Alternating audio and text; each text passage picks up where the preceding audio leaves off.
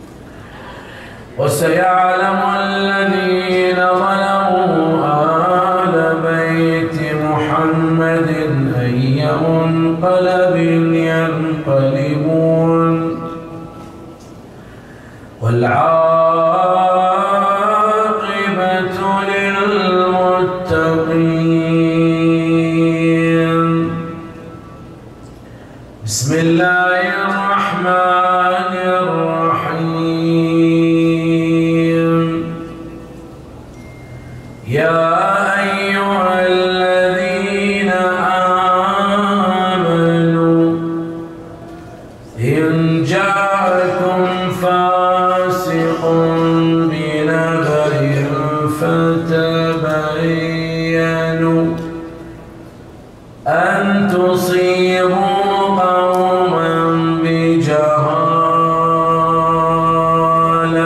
آمنا بالله. صدق الله العلي العظيم. لقضاء الحوائج واستجابة الدعاء وتعجيل الفرج. طيب مجلسنا بذكر محمد وآل محمد.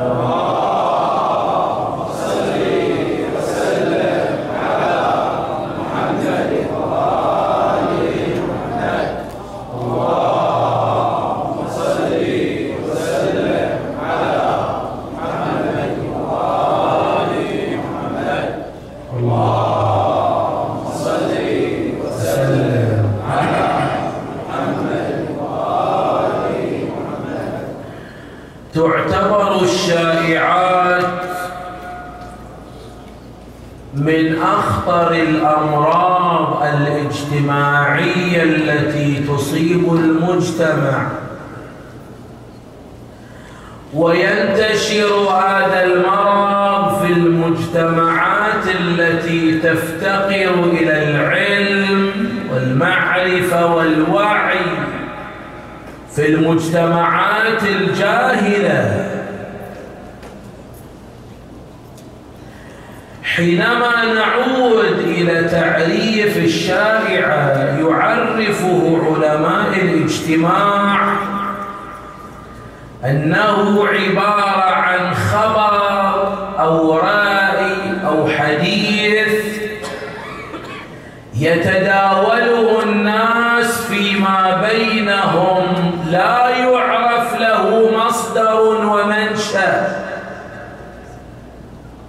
وقد يكون هذا الخبر والرأي صادق وقد يكون كاذب وقد يكون مبالغ فيه. لما نرجع إلى مناشئ الشائعات وسبب وجودها في المجتمع نجد بأن علماء الاجتماع يقولون أن هذا الأمر هذه الظاهرة ظاهرة اجتماعية لا ظاهرة فردية. ومنشأها يعود إلى سببين. السبب الأول هو أنها صنيعة المجتمع أفراد المجتمع. مو صنيعة فرد واحد. وإن كانت قد ابتدأت بفرد واحد لكن اللي حولها من حديث فردي إلى شائعة اجتماعية جماعية هم أفراد المجتمع. السبب الثاني أهمية الموضوع المتداول يعني الشيء اللي ما له أهمية لا يتداول. لكن الشيء اللي يمس مصلحة الفرد اهتمام الفرد هكذا. يكون موضع اهتمام الجميع فيتداول بين أفراد المجتمع. القرآن الكريم كيف تعامل مع الشارعات؟ صنفها القرآن على أنها أحد الأساليب التي استخدمت في مواجهة الأنبياء الرسل يعني الأنبياء مورس عليهم عدة أساليب في المواجهة. تارة بالسلاح وبالقتل صارت تارة بالتشريد وهكذا. من ضمن ما استخدم من أساليب أسلوب الشائعات على الأنبياء. وأبرز من مورس ضده هذا الأمر النبي صلى الله عليه وآله. رسول الله اتهمته قريش. تارة أشاعت عليه أنه شاعر وتارة أشاعت عليه أنه مجنون وتارة أشاعت عليه على أنه ساحر يفرق بين المرء وزوجه بين الوالد وولده بل كانت قريش تستفيد من مواسم الحج والعمرة في الترويج على رسول الله عند الحجيج ومن يأتي من مكان بعيد. ليش حتى يكون حائل بين هؤلاء وبين النبي حتى لا يسمعون كلام الله معجز رسول الله صلى الله عليه وآله؟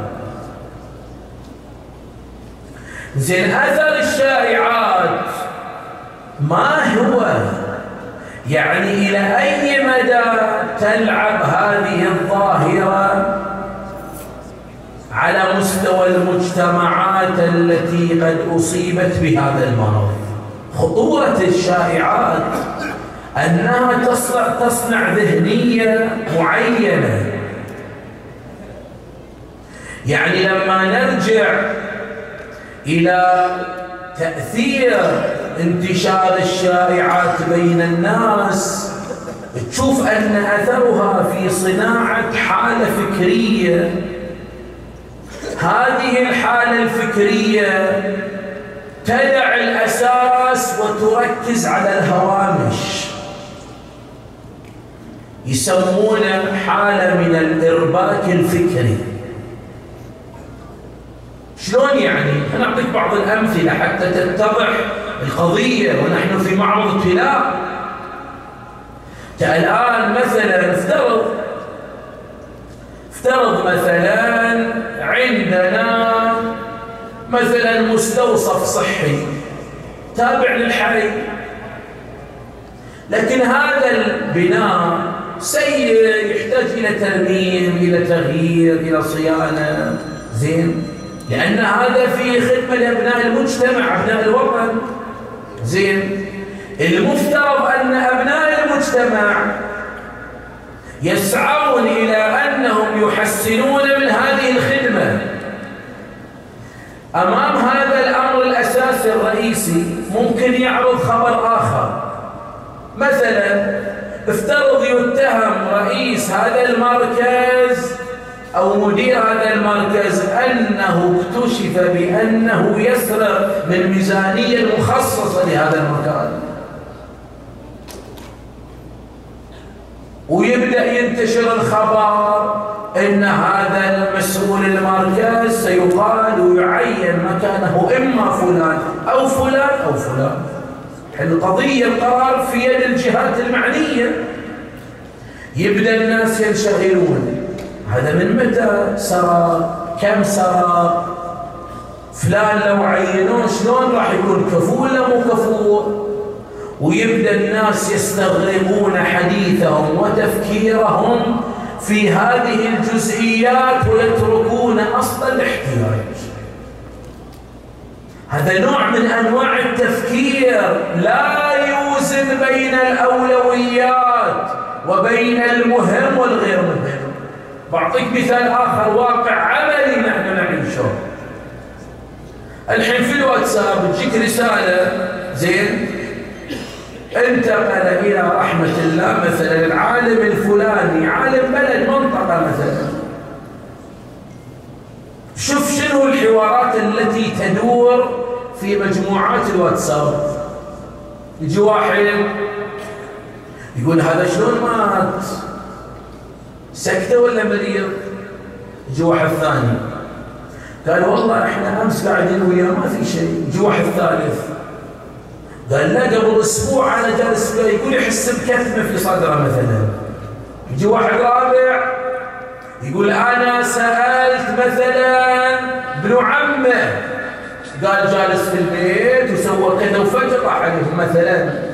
يجي واحد ثاني قال لا أنا سائل زوج قال لي هذا ويدخلون في تفاصيل.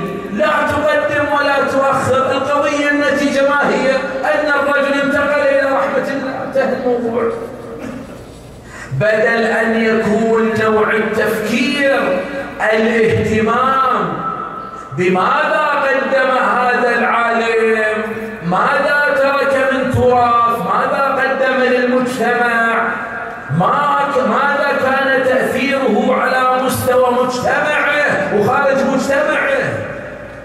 تلاحظ طريقة التفكير كيف أصبحت لذلك يقسمون الشائعات إلى ثلاثة أقسام. يقولون بأن الشائع أن الشائعة تارة تكون شائعة تسمى الزاحفة. شلون الزاحفة؟ يعني تأتي للإنسان من حيث لا يشعر بشكل تراكمي. وأكثر ما يستخدم في هذا النوع من الشائعات حينما يراد الحق من قدر أشخاص من الناجحين. شلون يعني؟ في ناس أعداء النجاح ما يتحمل يشوف واحد ناجح. بعد ما يكف اللسان لا ينال منه مثلا نفترض يجي واحد شاب في مقتبل العشرين مثلا يحصل على براءة اختراع مثلا. ويبدأ ينتشر الخبر. يبدأ الناس هذا هؤلاء أعداء النجاح يبدون يتراسلون يشيعون. يجي واحد يقول والله هذا درس ويانا في الثانوية ما في يعني زود ذكاء. هذا أول واحد يجي واحد ثاني يقول يعني متأكدين هو اللي مسوي الاختراع ولا أحد مساعده؟ يجي واحد ثالث يقول ودنا نتكلم بس خلينا ساكتين أحسن هذا اللي ما عنده شيء. زين؟ ويبدأ يخلق جو عام في وسط معين حتى يقلل من نجاح أمثال هذه الشخصيات الناجحة. هذا نوع تجي نوع آخر الشائعات الوهمية تخيلية شلون يعني؟ هؤلاء يعتمدون على إشاعة القلق والخوف والتشاؤم. هذا مادته هذا سلاحه. خلينا ننتقل من الواتساب للديوانية مثلا. يجي واحد والأصناف يعني موجودين. يجي واحد يوم من الأيام. الوضع الاقتصادي سيء. صارت الأمور مثل الأول زي بعد أمر الله شو نسوي؟ أي هالشكل؟ يجي يوم ثاني ترى الأزمة عالمية ترى الكل يشتكي من الفقر زي يوم ثالث قال ما دريت الذهب نازل والسوق تعبان. يجي يوم رابع يحب يحول من اقتصاد لما الأخلاق. يقول يا أخي ما أدري شو آخر قضية أوضاعنا نحن. كل ما والبلد تنفتح زيادة. وعيالنا شلون بنربي بيهم إحنا شلون؟ ننتظر عيالنا يعني ينحرفون. ويعطيك أفكار تشاؤمية سلبية. هذه بعد هذه وهذه بعد هذه. ما حد يقول لك ان الوضع يمر في حالة تبدل تغيير تحول. لكن لا تكون النظره نظره تشاؤميه تزرع في نفوس الغير حاله الخوف. بعض المجموعات جروبات الواتساب مرض. صدقني مرض. تدخل هالمجموعة تقرأ الكلام تشوف الدنيا سوداء ما فيها ولا نقطة بيضاء. الدنيا فيها خير فيها شر فيها شيء حسن فيها شيء خير غير حسن. الواحد ينظر إلى الجانب الأبيض بجانب اللون الأسود. خل عندي الواحد حالة من الأمل للأرزاق بيد الله سبحانه وتعالى. إحنا مجتمع محافظ. ليش دائما نتحدث على أننا مجتمع؟ كأننا مجتمع منحط أخلاقيا. عندنا حصانة. إحنا آبائنا وأجدادنا مروا في تحولات اجتماعية استطاعوا أن يحافظوا على هوية التدين والإيمان. ويخرجون بعد إحنا عندنا إمكانية. لا تزال بيئتنا بيئة محافظة بيئة متدينة بيئة مؤمنة. نستطيع أن نواجه هذه التحولات بطريقة أو بأخرى. هذا النوع الثاني. تجي إلى النوع الثالث. وهي الشائعات اللي يعبر عنها الفتنوية. شائعات الكراهية. يعني يعني هؤلاء ما يسمعون عند أحد مشكلة إلا خذ الخبر ويلا. أرسل للناس. يروح حق واحد يقول له لا تقول حق أحد. ترى ما قلت لك إلا أنت. يقوم هذا الثاني ويروح حق الثالث والثالث على الرابع. وإذا حديث كله في خصوصيات الناس. ما لنا وللدخول في الخصوصيات فلان عنده مشكلة مع شريكة يحلها هو. بعد إذا انطرف متصدي للشان الاجتماعي مصلح اجتماعي مثلا تبع لجنة إصلاح ذات البين تتصدى لهذا الجانب. وترى أكبر مشكلة نعيشها في هذا النوع عند النساء. لأن ما يتركون أحد في حاله. وين أحد عنده مشكلة في بيته؟ سمعوا عنه يلا تعال انقل لفلان وعلان هذه ما تدخلوا في الحل ويزيدون الطين هذه خصوصيات الناس. في استقرار يعني ناقص أكثر المشاكل الأسرية والزوجية منشأها وأساسها خارج المنزل مو داخل المنزل التدخلات الخارجية تسبب أزمة ما في رجال ما يختلف مع زوجته ولا يكون عنده بينه وبين زوجته خلاف